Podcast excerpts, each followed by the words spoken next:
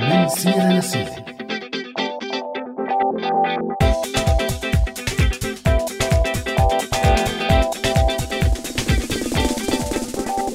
مساء الخير لكل مستمعينا مستمعي راديو سوريالي بحلقة جديدة من برنامج من سيرة لسيرة.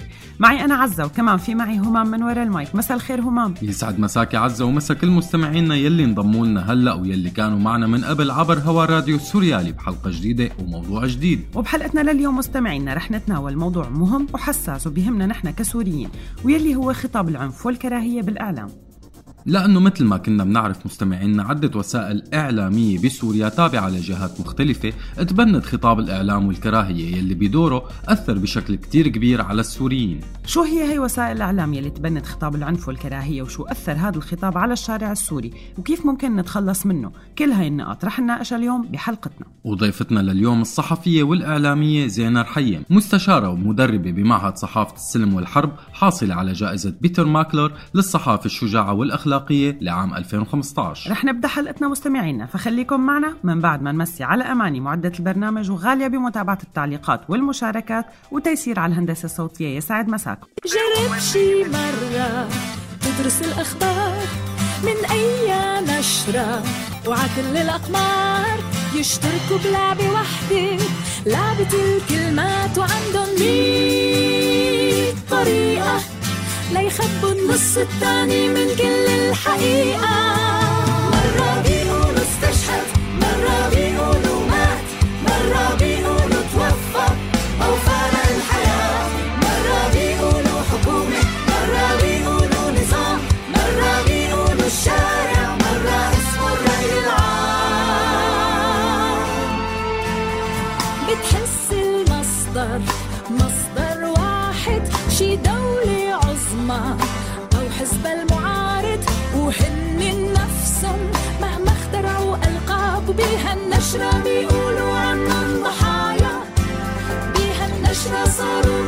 ميليشيات وسرايا مرة بيقولوا مجاهد مرة بيقولوا لازم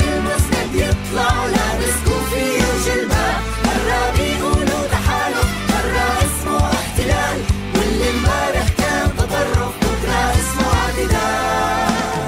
خليكم عم تتواصلوا معنا مستمعينا برسالة صوتية أو مكتوبة على الواتساب على الرقم 00962 7798 51210 وأكيد ما تنسوا صفحاتنا على مواقع التواصل الاجتماعي فيسبوك وتويتر. أما سؤال حلقتنا لهالأسبوع من بداية الثورة انتشر خطاب عنف وكراهية ببعض وسائل الإعلام. برأيكم كيف أثر هالشي على السوريين؟ إذا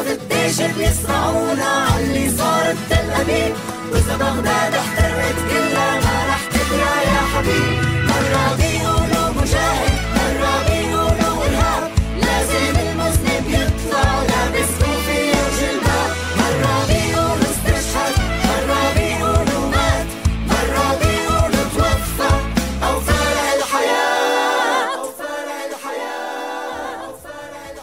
ورجعنا لكم مستمعينا أنتم عم تسمعونا من راديو سوريالي وببرنامج من سيرة لسيرة. معي أنا عزة ومع زميلي همام. حلقتنا لليوم عم نحكي فيها عن خطاب العنف والكراهية بالإعلام السوري. وفقراتنا لليوم مستمعينا بتبدأ بالمنقوشة يلي رح تحكي لنا فيها رئيفة عن بدايات الإعلام المطبوع بسوريا. أما سما بشد حيلك رح تحكي لنا عن شو هو اللاوعي وكيف بخزن اللي منشوفه ومنسمعه. وبفقرة سوريين لبعض فرح يحكي لنا زميلنا بسام اليوم عن ميثاق شرف للإعلاميين السوريين. وبفقرة شو قولك رح نتحاور مثل ما ذكرنا مع ضيفتنا الإعلامية والصحفية والمستشارة والمدربة بمعهد صحافة السلم والحرب زينة رحيم عن خطاب العنف والكراهية بالإعلام بسوريا ومواصفاته والهدف منه ومدى خطورته على الشارع السوري. وهلأ رح نروح لأولى فقراتنا لليوم ونسمع المنقوشة مع رئيف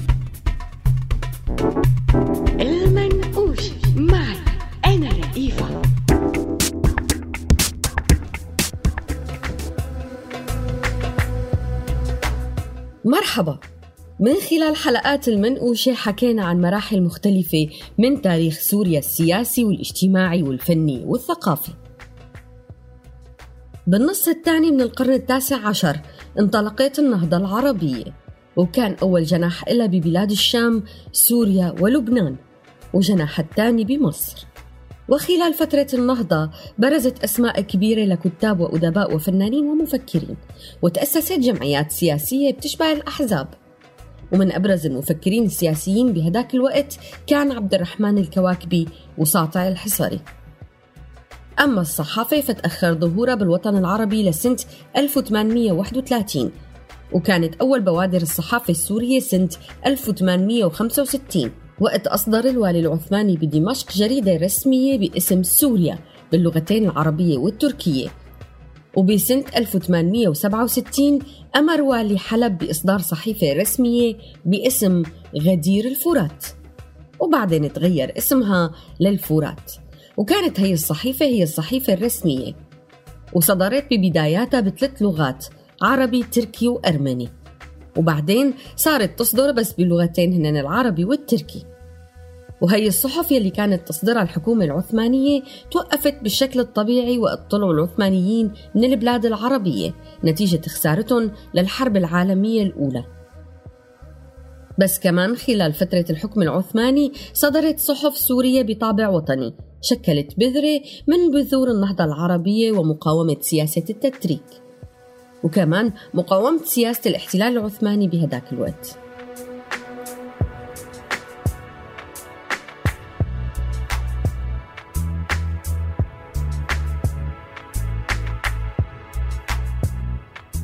وأول صحيفة سورية غير حكومية صدرت بحلب سنة 1877 كان مؤسسها المفكر السوري عبد الرحمن الكواكبي بالاشتراك مع هاشم العطار. وكانت بتحمل اسم جريدة الشهبة. بس كامل باشا والي حلب بهداك الوقت أمر بتعطيل الصحيفة عدة مرات. وآخر مرة أمر بالإضافة لتعطيلها بالحجز على مطبعتها وإنها تنحط تحت رقابة الولاية العثمانية. ليش؟ لأنه الصحيفة كانت عم تدعو للإصلاح وعم تنتقد سياسة الوالي وموظفي الولاية. بس الكواكبي ما استسلم قدام السلطات العثمانية وقرر يكمل المشوار. فأصدر سنة 1879 صحيفة أسبوعية حملت اسم الاعتدال. وهالمرة ما كانت باسمه كانت باسم تاني لمواطن عربي اسمه سعيد ابن علي شريف. بس كمان صحيفة الاعتدال توقفت بأمر من الوالي جميل باشا لخطورتها بنظر الحكومة العثمانية على الأمن العام. وعلى فكرة عبد الرحمن الكواكبي كان محرر كمان بجريدة الفرات لمدة 22 سنة لوقت توقفت الجريدة سنة 1922 وهيك بلشت الصحافة السورية مع صحيفة الشهبة وصحيفة الاعتدال. كصحافة وطنية حرة قدرت تتمرد وتغرد خارج سرب الوصاية العثمانية وحاربت بإخلاص بسبيل التحرر من العثمانيين وتحقيق النهضة العربية. المنقوش معي. أنا رئيفة أخرج من معطفه الجريدة وعلبة الثقاب أخرج من معطفه الجريدة. وعلبة الثقاب أخرج من معطفه الجريدة. وعلبة الثقاب أخرج من معطفه الجريدة. وعلبة الثقاب ودون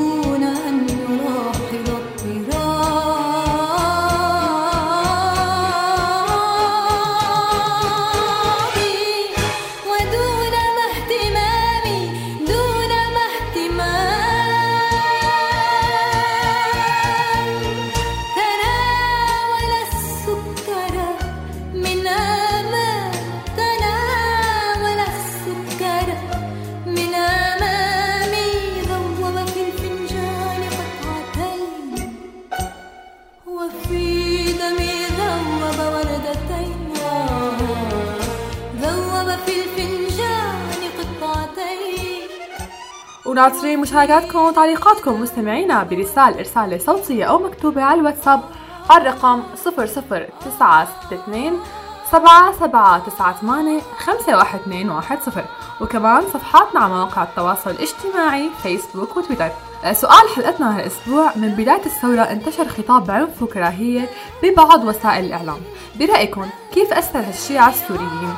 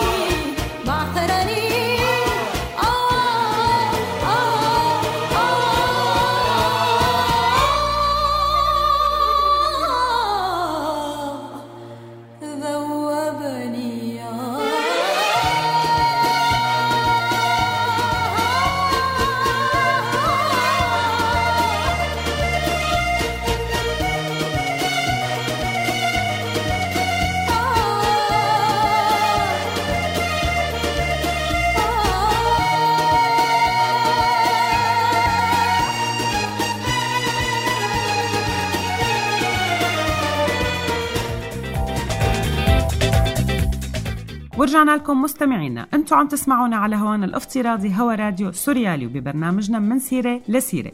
معي أنا عزة ومع زميلي همام. بحلقتنا لليوم عم نحكي عن خطاب العنف والكراهية بالإعلام السوري. طيب عزة حلو هذا الكلام. يعني في سؤال كتير منطقي وممكن إنه ينطرح وهو شو هو يعني خطاب العنف والكراهية؟ تمام همام خلينا نبلش من هالنقطة بالذات. خطاب العنف والكراهية مستمعينا هو يعني يتبنى الإعلام لغة بتحرض على الكراهية وبالتالي بتحرض على العنف والإرهاب. من خلال التحريض على الطائفية أو المناطقية أو التمييز ضد المرأة أو حتى الفئات المهمشة. وهذا الشيء عزة ومستمعينا شفناه نحن السوريين بعدة وسائل إعلام انتشرت بسوريا ابتداء من الإعلام الرسمي للإعلام التابع لداعش وغيره من التنظيمات المتطرفة والجهات المتنازعة بسوريا. بس السؤال هون عزة شو هي المواصفات الإعلام المحرض على العنف والكراهية؟ يعني أكيد هو ما بيقول بشكل مباشر آه، اكرهوا بعض واقتلوا بعض. لا لا أكيد مو هيك همام. مو بهذا الشكل. بس في مواصفات بتبين الإعلام المحرض على العنف والكراهية يعني مثلا مثل شو؟ يعني مثلا مثل إنه يصور الإعلام أشخاص محرضين على العنف والكراهية على إنهم أبطال مثلا. مثل عصام زهر الدين مثلا. مثلا البغدادي الجولاني وغيرهم وكل وسائل الإعلام اللي بتصور هدول الشخصيات على إنهم أبطال وقدوة هن وسائل إعلام بتحمل وبتتبنى خطاب عنف وكراهية. حلو هذا الحكي. طيب وغير هي الصفة؟ مثلا تصوير الأحداث مع التركيز على تفاصيل الصراع الطائفي والعنصري والمناطقي والعرقي وغيره. طيب شو مشان لما تكون مصادر الوسيلة الإعلامية ورجال السلطة من ضباط وعساكر مثلا أو لما يكون في تهميش أو إقصاء للآخر يلي بينتمي لغير فئة أو عرق أو طائفة؟ كمان هذا دليل إنه هاي الوسيلة بتتبع هذا الأسلوب بتتبنى خطاب الكراهية. وبالإضافة لكل هذا همام في صفة مهمة وهي إنه ما يكون هدف وسيلة الإعلام بطرح المواضيع والقضايا هو الدعاية لشخص أو لمجموعة أو لاتجاه أو لفكرة مثل الدعاية مثلا للجيش الباسل أو دعاية لسليل الصوارم أو غيرهم يعني. يعني هي المعلومات كتير مهمة وفعلا مسؤولية كبيرة. طبعا مسؤولية كبيرة همام ومو بس على الإعلاميين ووسائل الإعلام هي كمان مسؤولية كبيرة على المتلقي ويلي نحن بحالتنا كل السوريين لازم يميزوا بين الإعلام المهني والمتوازن والإعلام الغير مهني المحرض على العنف والكراهية. مية بالمية لأنه الإعلام المتبنى لخطاب العنف والكراهية بيترك تأثير كبير وطويل على المدى فالسوري اللي بيسمع أو بيقرأ لوسيلة إعلامية بتحرض على العنف والكراهية ضد فئة معينة أو طائفة معينة مع الوقت وبدون ما يحس وقد ما كان مفكر حاله ما عم يتأثر رح ينخلق جواته كره وحقد لهي الفئة ورح يغتنم أي فرصة لممارسة العنف ضده وللأسف يا همام هذا الشيء اللي شفناه بالضبط على أرض الواقع بسوريا. طبعا لأنه حتى لو فكرنا حالنا ما عم نتأثر اللاوعي تبعنا عم يمتص كل هي الأفكار ويخزنها وبالوقت المناسب بيحولها لسلوك وبهالحالة بيكون سلوك عدواني. شو قلبت محلل نفسي. لك حافظهم من أيام الجامعة. والله يمكن من البكالوريا كمان. لكن شو رأيك؟ نعطي الخباز خبزة ونسمع عن اللاوعي والوعي بفقرتنا الجاية اللي هي شد حيلك. كمان بصير. دعم نفسي بشد حيلك. معي أنا سما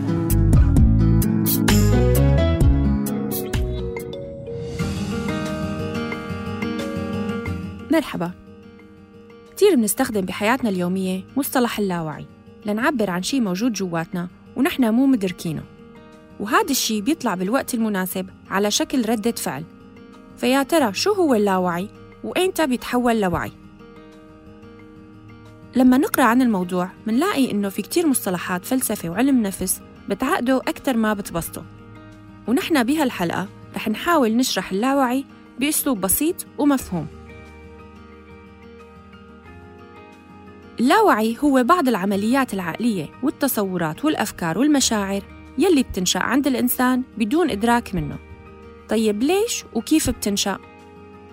الإنسان كل يوم بتمر قدامه آلاف الصور وبيسمع آلاف الكلمات والعبارات وبيشم عشرات الروائح بالنسبة لوعي الإنسان هو بالحقيقة ما عنده قدرة على تخزين كل هي الأشياء يلي بتمر عليه فعقلنا بفلترها كيف يعني بفلترها؟ يعني بيصنفها لمهمة وغير مهمة. الواردات المهمة بيحفظها بالوعي والواردات الغير مهمة بهذا الوقت بيحفظها باللاوعي. وبتراكم هي الواردات بالوعي تتكون خبرات الإنسان وبيصير على أساسها بيتصرف. وهذا التصرف هو تصرف واعي. مثل لما الإنسان بيتخذ قرار بيتعلق بشغله. هذا القرار أو هذا التصرف هو غالباً تصرف واعي لأنه نتج عن خبرات ومعارف كونها الوعي على مدى أيام وسنين. بالمقابل وبالجهة الثانية اللاوعي كمان عم يخزن وهذا التخزين بالحقيقة هو اللي بتكمن فيه الخطورة. ليش؟ لأنه عم يتخزن بدون إرادتنا. يعني نحن ما وافقنا أنه يتخزن. هي المعطيات مرت بدون أي حواجز ودخلها عقلنا للاوعي وتخزنت.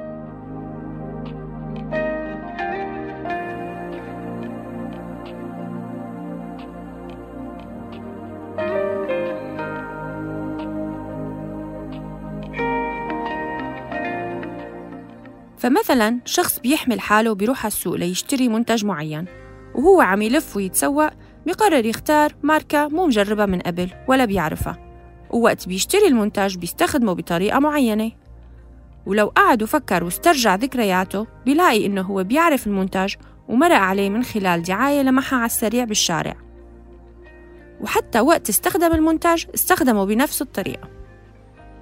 يعني هو لما شاف هي الصورة والعقل خزنها باللاوعي واللاوعي وجه الإنسان ليروح يشتري المنتج ويستخدمه بطريقة معينة.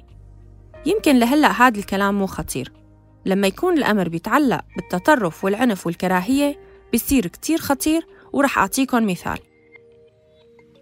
شخص بيسمع وسائل إعلام بتحرض ضد فئة معينة.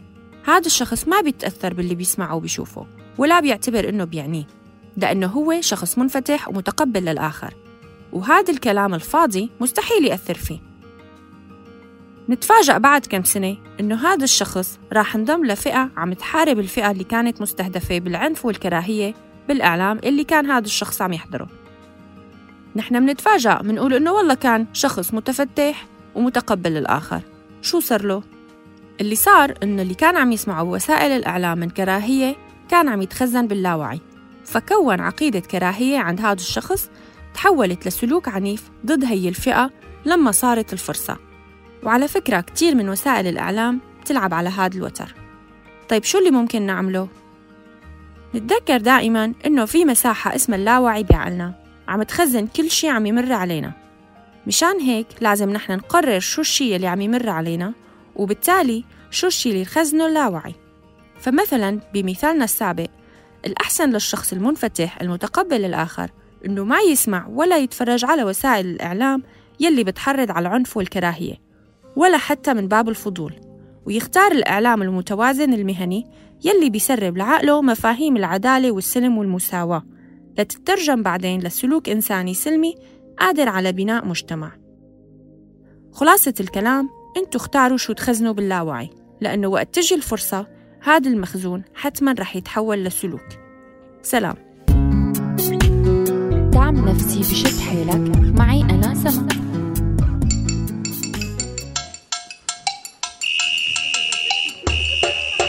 عايز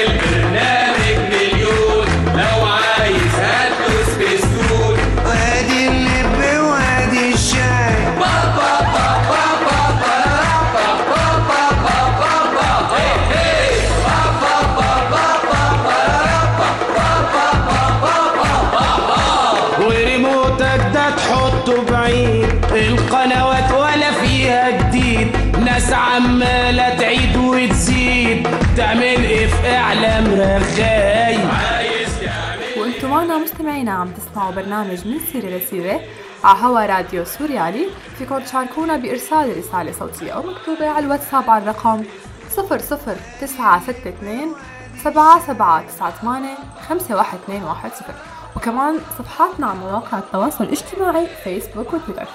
ومعنا أحد التعليقات على صفحتنا على الفيسبوك آه عمر عم بيقول أكيد لعب دور سلبي جدا وفرق بين السوريين وخاصة السوريين يلي بقيوا بالبلد. حمزة عم بيقول وسائل إعلام زبالة ما في ولا وحدة محايدة وأكيد أثرت تأثير سلبي جدا على كل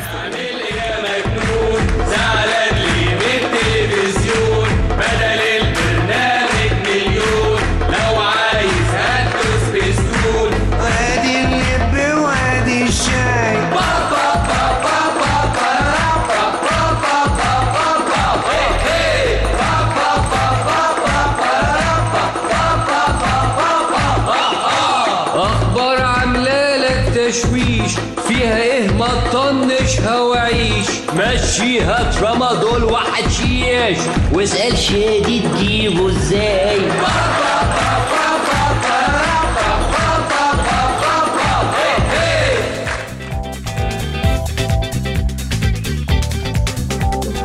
ورجعنا لكم مستمعينا. أنتم عم تسمعونا على هوانا الافتراضي هوا راديو سوريالي وببرنامج من سيرة لسيرة.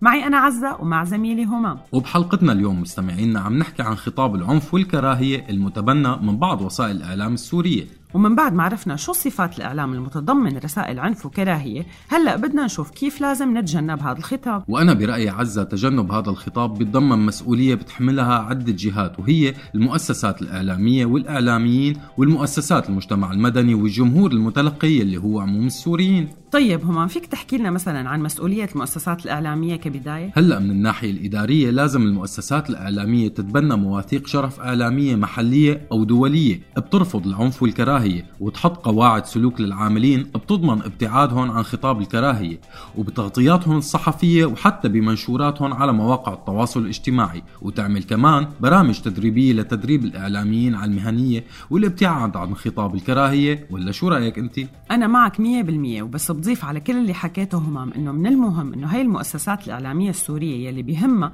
تبعد عن خطاب العنف والكراهية تتبنى بسياسات التوظيف كمان تعزيز التنوع المناطقي والعرقي والديني وتعمل شراكات وتنسيق مع مؤسسات إعلامية سورية من خلفيات مختلفة.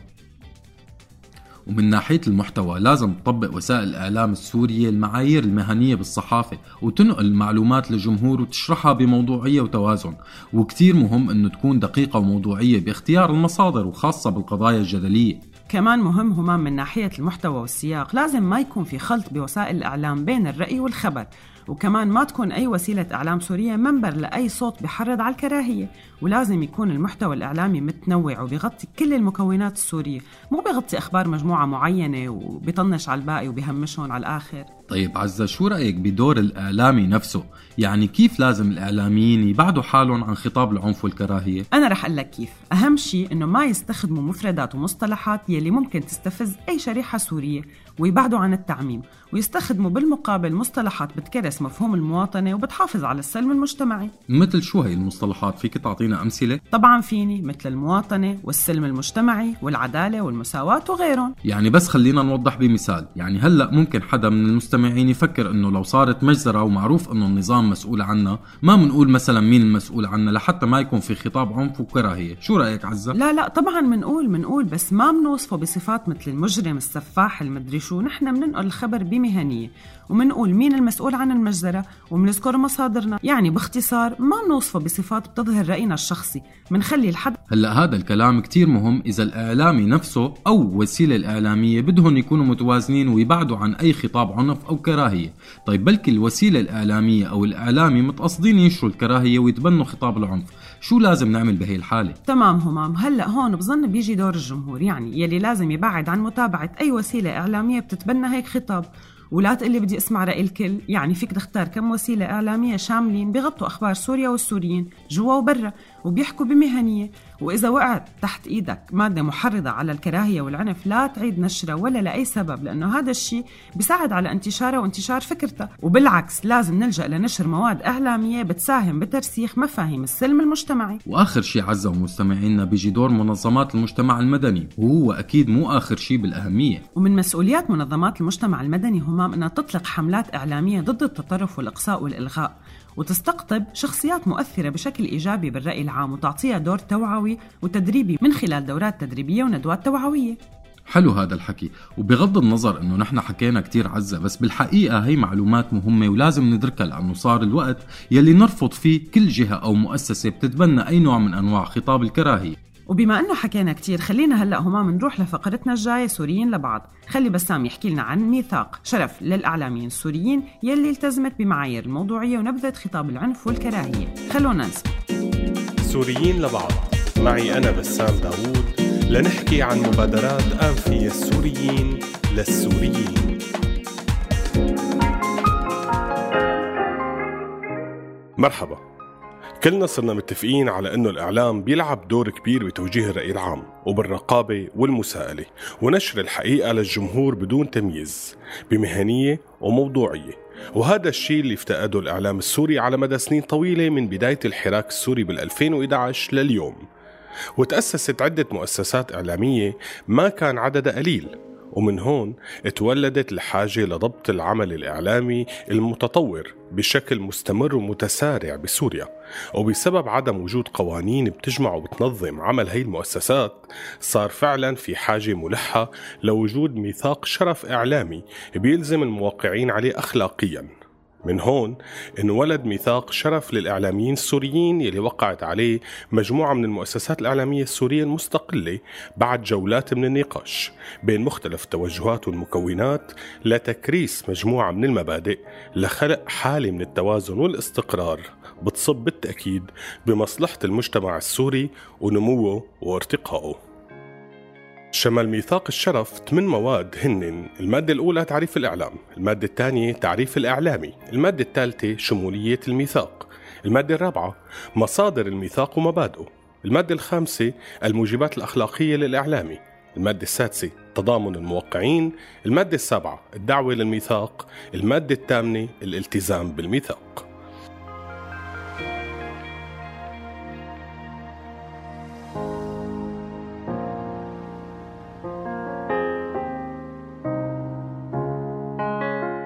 هيئة ميثاق شرف بالتعاون مع المؤسسات الإعلامية الموقعة على الميثاق نفذت وعم تنفذ عدة ندوات وورشات تدريبية داخل وخارج سوريا لتطوير الإعلام السوري وتحسين وضعه.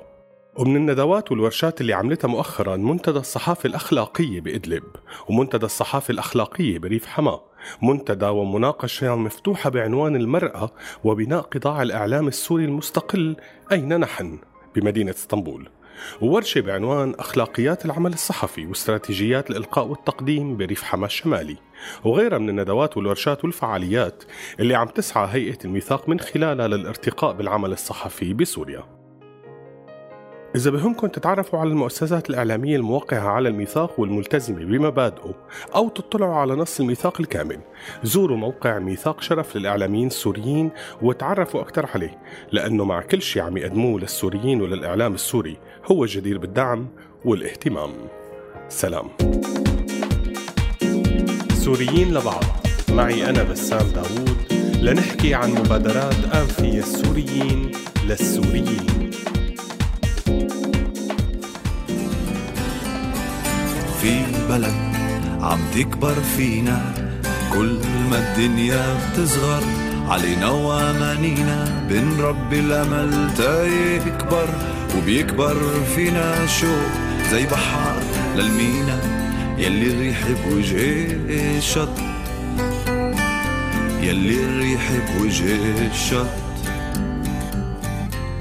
يلي الريح بوجه الشط حردت عن شراعه.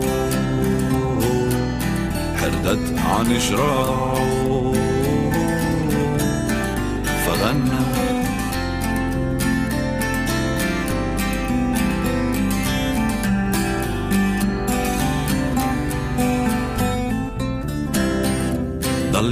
ضلي ذكريني يا بعيدة يا بلد.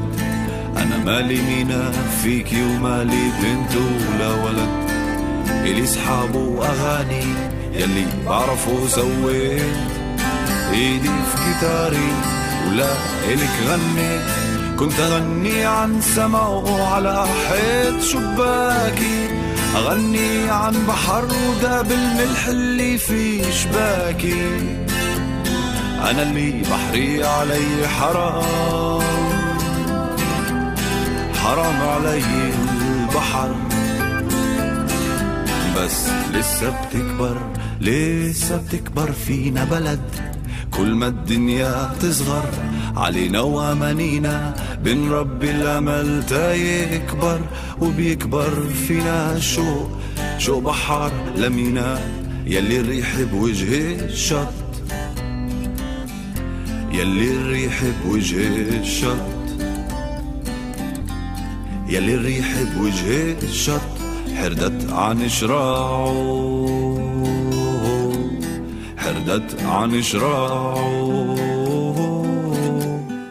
فغنى أنا ريش جناحي.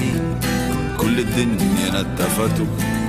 وع كل الحواجز أنا بإيدي سلمته وأنا أصلا مش غاوي سفر.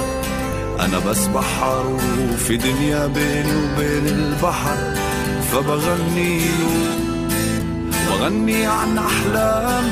أنا لسه ما نمت بغني عن سلام ودمي لسه على الأسفلت وخليكم عم تتواصلوا معنا مستمعينا برسالة صوتية أو مكتوبة على الواتساب على الرقم 00962 7798 51210 وأكيد ما تنسوا صفحاتنا على مواقع التواصل الاجتماعي فيسبوك وتويتر. أما سؤال حلقتنا لهالأسبوع من بداية الثورة انتشر خطاب عنف وكراهية ببعض وسائل الإعلام. برأيكم كيف أثر هالشي على السوريين؟ كمان معنا أحد التعليقات هنا عم بتقول هن على أساس السوريين كتير بيحبوا بعض كانوا قبل ما النظام كان صار له عم يزرع الطائفية من 40 سنة. حمزة عم بيقول الإعلام أكيد لعب دور سلبي بس مو على كل الناس. بظن بآخر كم سنة صارت الناس تقدر تفرق بين الإعلام المحايد والإعلام يلي بيحرض على العنف والكراهية. كمان مع أحد التعليقات أسامة عم بيقول ليش هذا اسمه إعلام يلي بسوريا كل شي إعلام جوا البلد شبيح درجة أولى. والإعلام يلي برا مو كتير أحسن باستثناء كم وسيلة إعلامية بينعدوا على الأصابع. لسه بيحترموا حالهم. شكرا أصدقائي على مشاركتكم. يكبر وبيكبر فينا شوق زي بحار للمينا يلي الريح بوجه الشط يلي الريح بوجه الشط يلي الريح بوجه الشط حردت عن شراعه حردت عن شراعه حردت عن شراعه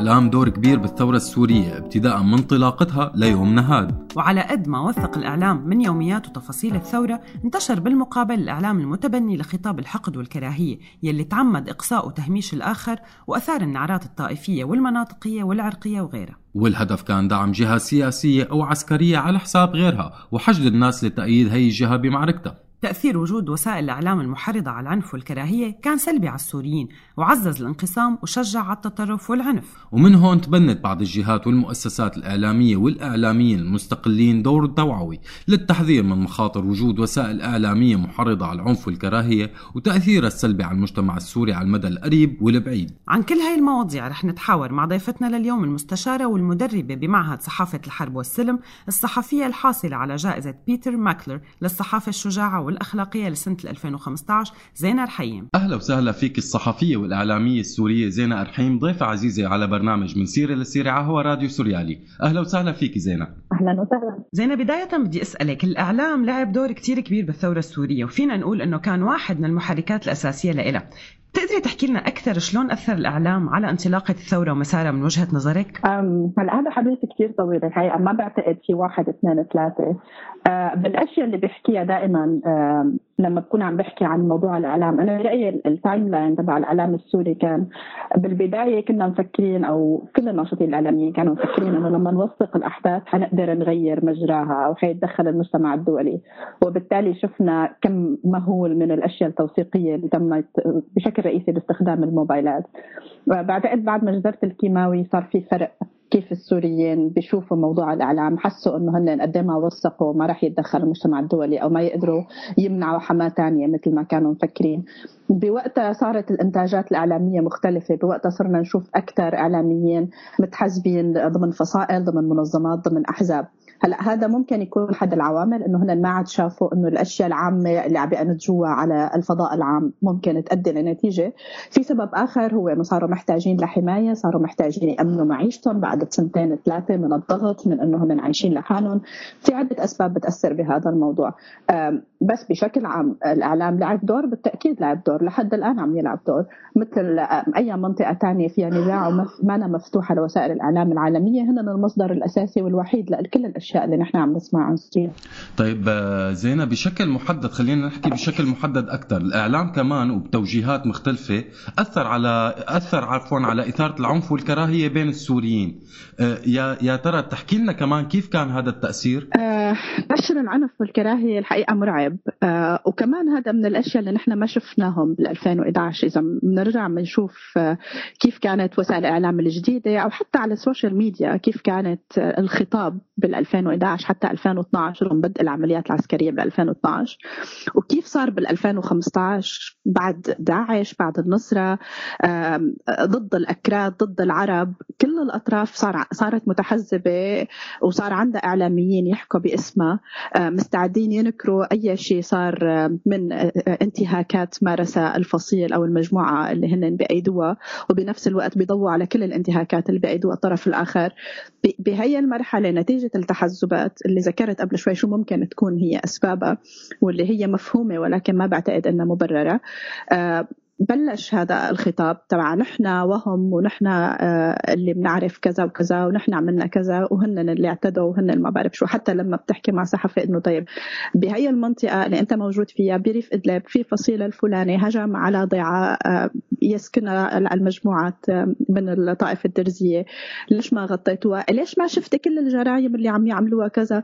اللي هو بالآخر خطاب النظام نفسه اللي كنا كل ما نحكي معه بقصه العلاقة بالتنمية بحياة الناس بالمجارير كان يقول القضية الفلسطينية وأنتم نسيانين رجعنا لنفس الخطاب تماما اللي كان النظام يتبعه. كيف أثر؟ حقيقة بدها دراسة سوسيولوجية لنشوف الناس كيف تأثروا بهذا الخطاب التحريض والكراهية اللي تم اتباعه. ولكن للأسف اللي بيبحث باليوتيوب بيشوف كم مهول من الحقد والكراهية والغضب اللي منشور عن طريق ناشطين في منهم هن بوضع سيء في منهم هن طالعين من مجزرة في منهم هن شايفين مجزرة. آه، فورا ببلشوا بيتوعدوا بينسوا حالهم إنه هن عم بيغطوا بيتوعدوا الطرف الآخر. وب- وبهذا يعني ضغط نفسي مرعب وهن ما عندهم التدريبات اللازمة ليقدروا يتحملوا هذا الموضوع. مفهوم بس بنفس الوقت شو نتيجة هي الأشياء اللي صارت. هذا اللي فعليا بده دراسة. تمام. طب آه، زينة شو هي صفات الخطاب الإعلامي اللي بيحرض على العنف والكراهية؟ هلا من الأشياء اللي ضويت عليها بالبرنامج آه، ال- الشغلة الرئيسية اللي فينا نلاحظها إنه أغلب الأشياء الموجودة على اليوتيوب أو أغلب الأشياء اللي موجودة على القنوات واللي كانت حتى مكتوبة بوسائل الإعلام آه، هي مأخوذة عن عسكر قادة عسكريين من كل الأطراف من من قسد للنظام للنصره لداعش لحتى جيش الحر. دائما عسكر دائما رجال. آه، ما بنشوف الأشخاص غير بالمعارك آه، الإعلاميين. وقت اللي بيكون في سلم بنلاحظ إنه ما في تغطيات إخبارية وكأنه الأخبار هي بس معارك. ما في ناس ما في حياة وراء الأخبار ما في حياة وراء المعارك. اللغة المستخدمة اللغة التحريضية. استخدام نحن وهم كأنه أنت واقف مع هذا الطرف. آه، التغطية على ال- الانتهاكات اللي بيمارسها الطرف اللي أنت واقف معه. ممكن المبالغة بالمعلومات للطرف الثاني أو ممكن حتى استخدام لغة حسية. آه، ممكن استخدام النساء والأطفال. دائما بنشوف استخدام النساء بمحلات التحريض على العنف والكراهية. قبل كل معركة دائما كانت تطلع أخبار ما بنعرف إشاعات ما بنعرف حقيقة لأنه كثير صعب التحقق منها. إنه هن انهجموا أو خطفوا بنت أو اعتدوا على بنت أو مسكوا بنت. وبعدين إنه طب شو اسمها للبنت؟ مين هي؟ ما في داعي حدا يعرف لأنه وصل الغرض من هذا الخبر واللي هو التحريض. فكل هدول القضايا حتى يعني استخدام ذوي الاحتياجات الخاصة كل الفئات اللي هي مهمشة بالمجتمع بصيروا بيستخدموا كل الأشياء الحساسة من أجل تحقيق الغرض تبعهم. وطبعا هدف الهدف اللي بيشتغل بالتحريض هو إنه يحقق طرفه الانتصار ويطلع الاقوى ما هدفه ابدا إنه هو يحقق نوع من السلام أو إنه هو يحقق عدالة أو إنه يخبر قصص الناس اللي بالآخر هو المفروض يكون موجود كرمالهم. طيب زينة ليش مهم إنه نحن كصحفيين نوقف بوجه سياسات التحريض والعنف والكراهية والإعلام يلي بتبنى هي السياسات؟ وشو المخاطر اللي ممكن تواجه الصحفي اذا إذا أخذ هيك موقف؟ عم نحكي طبعا حاليا على الداخل السوري. مخاطر كبيرة مجرد إنك تكون مستقل وتحكي الأشياء اللي لازم تنحكى فأنت مهدد أم، وشفنا يعني رائد ما انقتل لأنه هو محرض على العنف والكراهيه، المحرضين على العنف والكراهيه غالبا بيكونوا آمنين وسالمين. الأشخاص اللي بيكونوا مستقلين عم ينشروا فكر مضاد لهذا الفكر، هن عم بيأسسوا. لإعلام حقيقي، عم بيأسسوا لسوريا سلام، لسوريا مستقبل وعدالة، هن الأشخاص اللي بالعادة بيكونوا مستهدفين وهن غالبا اللي تم طردهم من البدايات من داخل سوريا واللي صمد للآخر مثل رائد مثل أحمد جلال اللي هو هلأ ملاحق بينما نحن عم نحكي وهو متخبي. هدول الأشخاص اللي عم بيوقفوا بوش هذا التحريض اللي عم بيوقفوا عم بيوقفوا بوش هذا ال- التصنيف المتطرف والمتعصب لأنه أنت إعلامي بتحكي كل الأشياء ضد النظام فقط. أو أنت مانك إعلامي ابدا وأنت شبيح وأنت واقف مع مدري مين وما بعرف شو. فالمخاطر كتير كبيرة ومفهومة. بس بنفس الوقت بعتقد في خيار إنه الواحد يضل يركز على الناس بقصص الناس أسهل إنك ما تأخذ موقف يعني صارخ إنه أنا ما مباني قاعد مثلا بإدلب وعم أقول أنا ضد النصرة والنصرة عم يعملوا اعتداءات. فيني اركز على قصص الناس. في مثال حتى أنا حكي عليه بالحلقات ال- القادمة عاملين آه، وكالة سمارت. فيديو عن الصبية اللي خطفوها جبهة النصره من الجامعة. آم، يعني فعليا هن كانوا صوت طلاب الجامعة بهذا التقرير عملوه ثلاث دقائق ونص. كتير مهني كتير احترافي. أول مين قدر يوصل لهذا المكان وعملوا تقرير كامل ومتكامل وهن موجودين جوا.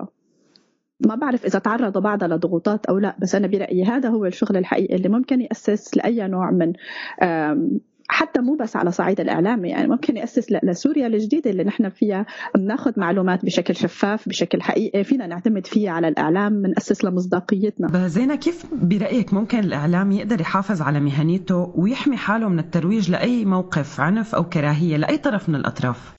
أم، ما كتير المهمة سهلة بالسياق تبعنا لأنه كمان لما بتقرري إنك ما تتحيزي لطرف أو تضلي بالوسط تتهاجمي من الجميع وأي شيء بتعمليه أو بتكتبي عنه حتى إذا بتكتبي عن مباراة كرة قدم وديه صارت بين فريقين لذوي الاحتياجات الخاصة بدمشق ممكن يهاجموك الأطراف الثانية. انت كيف عم تحكي عن دمشق؟ انت عم بتلمعي صورة النظام وكيف هيك عم تعملي؟ فالمهمه ما أنا سهلة ولكن بعتقد إنه هي كتير أساسية. آه، حاولت المؤسسات الإعلامية كأول خطوة إنه يعملوا ميثاق آه، ميثاق الشرف الإعلامي ووقعوا عليه وفي منهم التزموا فيه. وأنا يعني في تجارب إعلامية دائما بحكي عن بكل ال- الأشياء اللي بشارك فيها اللي تحولت لتجارب احترافية وبعتقد ممكن إنها هي تتحول لصحف آم، يعني موضوعية واحترافية بسوريا المستقبل إذا قدرنا نوصل لها. وبنفس الوقت في منهم ما عم يقدروا يطلعوا من هذا الجو الشعبوي. آه، نتيجة الخوف من كم المهول من التنمر اللي ممكن يصير لهم. وفي من لأنه اللي موجودين بالفريق تبع هدول المؤسسات هن بالآخر من هدول الأشخاص اللي ما عم يشتغلوا على حالهم ليقدروا يوصلوا لهذيك المرحلة. المثال الإيجابي اللي اللي أنا بذكره دائما هو مثلا علب بلدي. عنب بلدي أول ما بلشوا إذا أنا درستهم أنا على صعيد تغطيتهم بموضوع ال- المرأة. آه، كان في نقلة نوعية بسنة ولما سألته لجواد إنه شو عملتوا بهي السنة قال لي أخذنا تدريبات واشتغلنا على حالنا. الخطاب تبعهم طريقه تعاطيهم مع موضوع المرأة فرق. فاعترافهم بإنه هن ما كان عندهم خبرة وبعدين إنه اشتغلوا على حالهم لحتى أخذوا هذا البرسبكتيف فرق إنتاجهم أنا بالنسبة لي هي تجربة رائدة. طيب زين هل تعتقدي إنه من السهل إنه الإعلام السوري وخاصة الموجود داخل سوريا مع كل شيء عمله وعم يعمله النظام السوري إنه ما يتبنى تحريض خطاب عفوا خطاب تحريض على العنف والكراهية ضد النظام مؤيدينه؟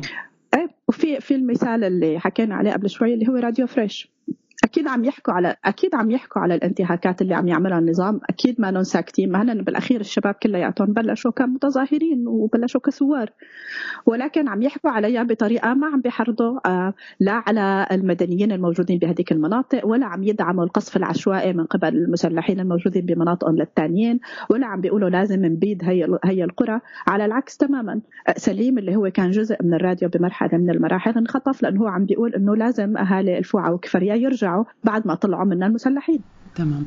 هلا زينة حنروح شوي ل... لعندك شخصيا. شهدنا لك مؤخرا تجربة جديدة بالعمل الإعلامي من خلال برنامج اسمه لا تفتي وهي يمكن أول تجربة لإلك بالتقديم مزبوط؟ أه بتحكي لنا أكثر شوي عن فكرة البرنامج؟ آه البرنامج هو آه يعني أنوجد مع دليل تدريبي مكتوب. أنتجه معهد صحافة الحرب والسلام. فالفكرة هو أنه يكون في شيء مرئي مع الشيء المكتوب اللي بيحكي عن الصحافة الحساسة للنزاعات. في جدل كتير كبير أنه هل لازم نسميها صحافة سلام؟ هل الصحفي مسؤول أنه هو يكون concerned أو أو مهتم بموضوع نشر السلام ولا هو لازم يركز على موضوع الصحافة. بغض النظر بيركز على أشياء كتير أخلاقية. ممكن العالم يشوفوها بسيطة وساذجة بس بنفس الوقت لما بتدوري على وسائل التواصل الاجتماعي وبتشوفي شو منشور بالإعلام السوري بتحسي أنه إنه لا امانه كثير ثانوية. وفي صحفيين صار لهم عم يشتغلوا خمس وست سنين بالسياق السوري ولحد الآن بيوقعوا فيها. فهو عم بحاول يضوي على هدول النقط. التحريض على الكراهية الدقة والموضوعية التعامل مع المصادر. ما في ولا مجموعة من ولا مكان من سوريا ما عملت مقابلة مع اسرى بوضع ذل. بوضع عم يعملوا فيه تحقيق. في كمان مواضيع بتتعلق كيف لازم نحكي وقت اللي بنكون عم نغطي مواضيع النساء.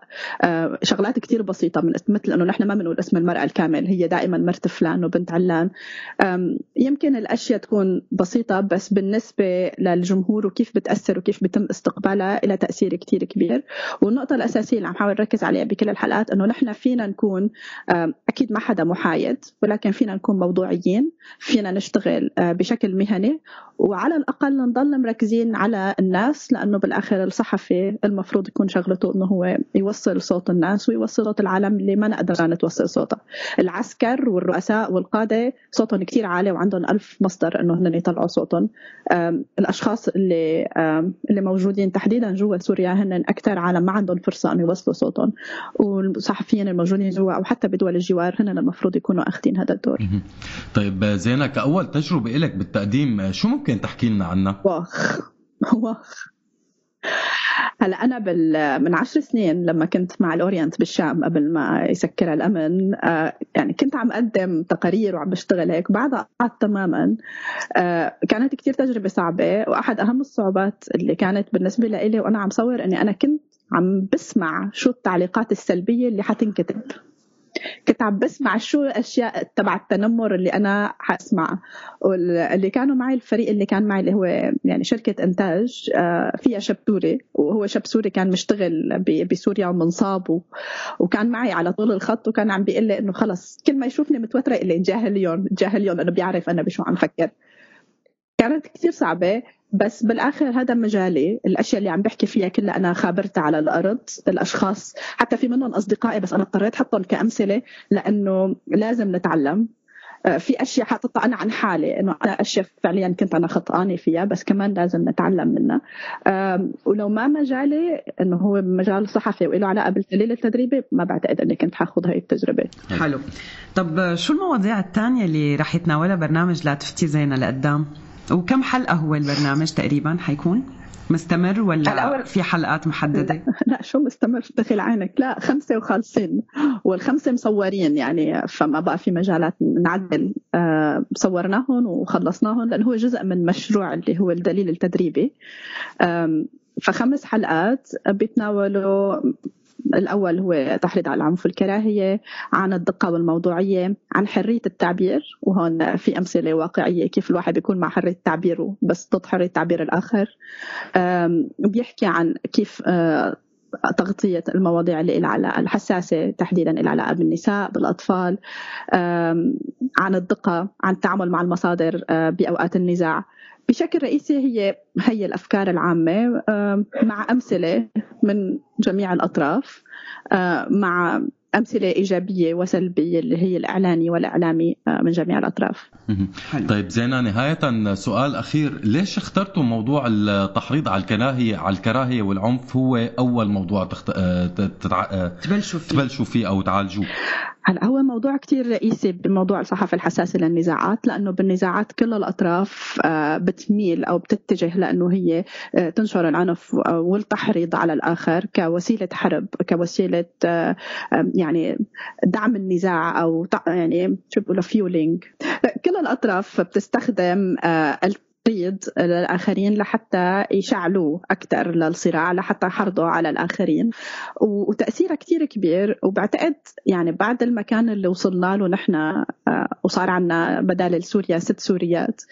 وجود هذا الشيء لحد الآن مخيف وخاصة من أشخاص ما عادوا حتى جوا سوريا ما عاد لهم أهل جوا سوريا.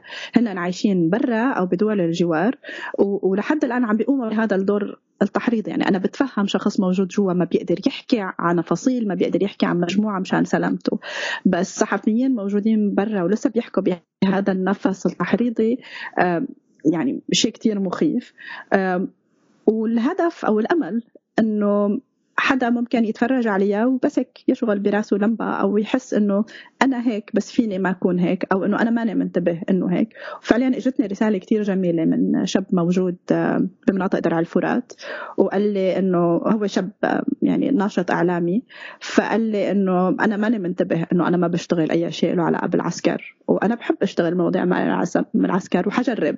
بالنسبة لي هذا الهدف. طيب بالنهاية زينة عن جد شكرا كتير إلك وشكرا لوقتك ونحن بانتظار أكيد الحلقات الج- الجديدة ونتمنى لك كل التوفيق إلك ولفريق العمل وعن جد نحن بأمس الحاجة لهيك أعمال خصوصا يعني على هوا يعني على هوا ما عم نشوف الأشياء المنتشرة على السوشيال ميديا يعني عن جد نحن كتير بحاجة هيك أعمال. شكرا كتير إلك. شكرا لكم ولراديو سوريالي وادعوا لنا ما يصير في تحريض على العنف والكراهيه ضد الحلقات اللي جاية. لا لا طالما أنت موجودة ما حيصير في شيء أكيد.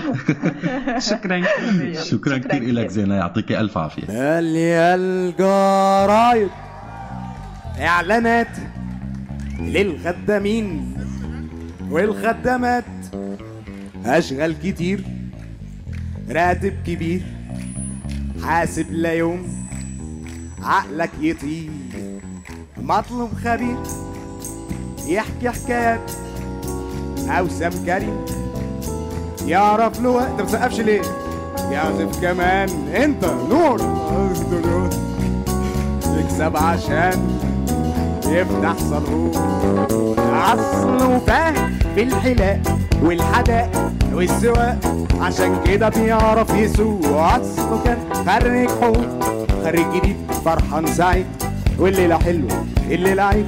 ولد أكيد محتاج فانوس ويجيب معهوش فلوس لكن في إيده جواز سفر والحل ده كان معتبر. سافر عشان عايز يكون. خد دكتوراه في غسل الصحون.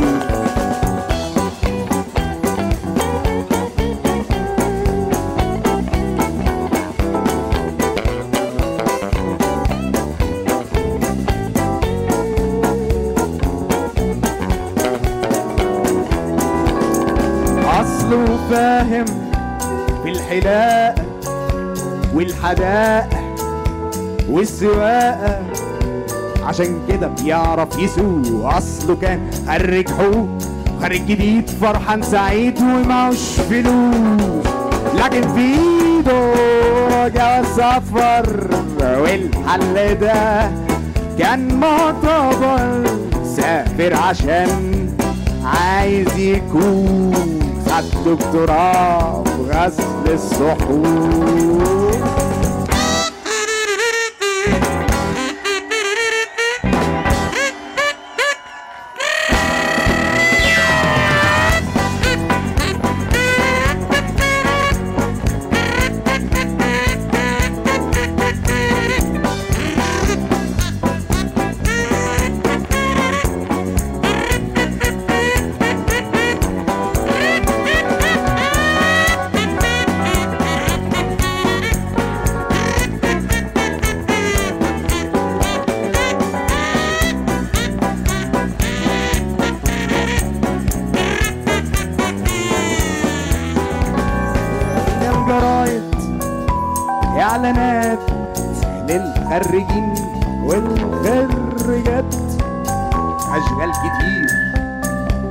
راتب كبير.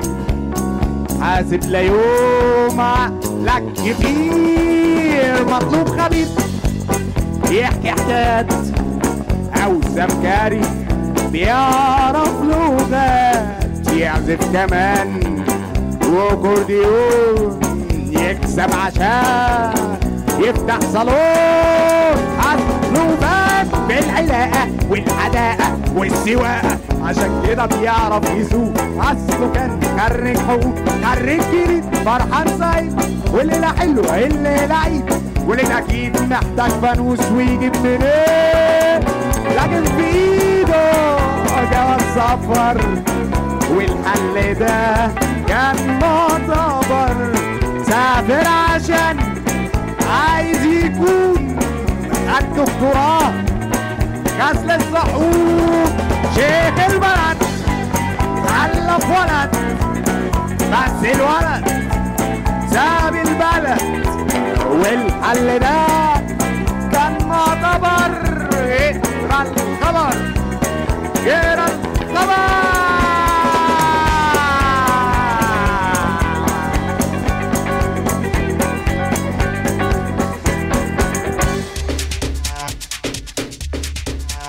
سيرة ورا الباب.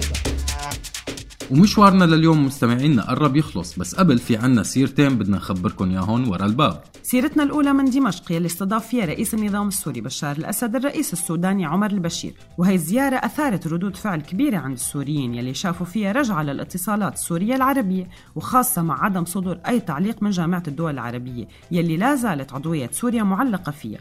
زيارة البشير هي الزيارة الأولى لرئيس عربي منذ بداية الثورة بال 2011 وسيرتنا الثانية سيرة فنية عن ترشح الفيلم الوثائقي السوري عن الآباء والأبناء للمخرج طلال ديركي لجائزة أوسكار ضمن القائمة الأولية للأفلام المرشحة لجائزة أفضل فيلم وثائقي. منتمنى التوفيق للفيلم ولكامل فريق العمل.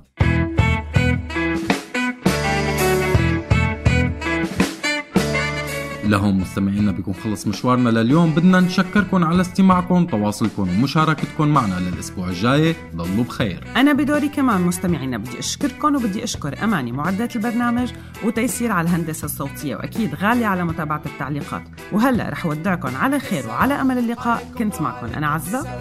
وأنا همام الجميع والجميع والسلام السلام عليكم وعليكم السلام. السلام للجميع والجميع والسلام السلام عليكم وعليكم السلام. السلام للجميع والجميع والسلام. السلام عليكم وعليكم السلام. السلام للجميع والجميع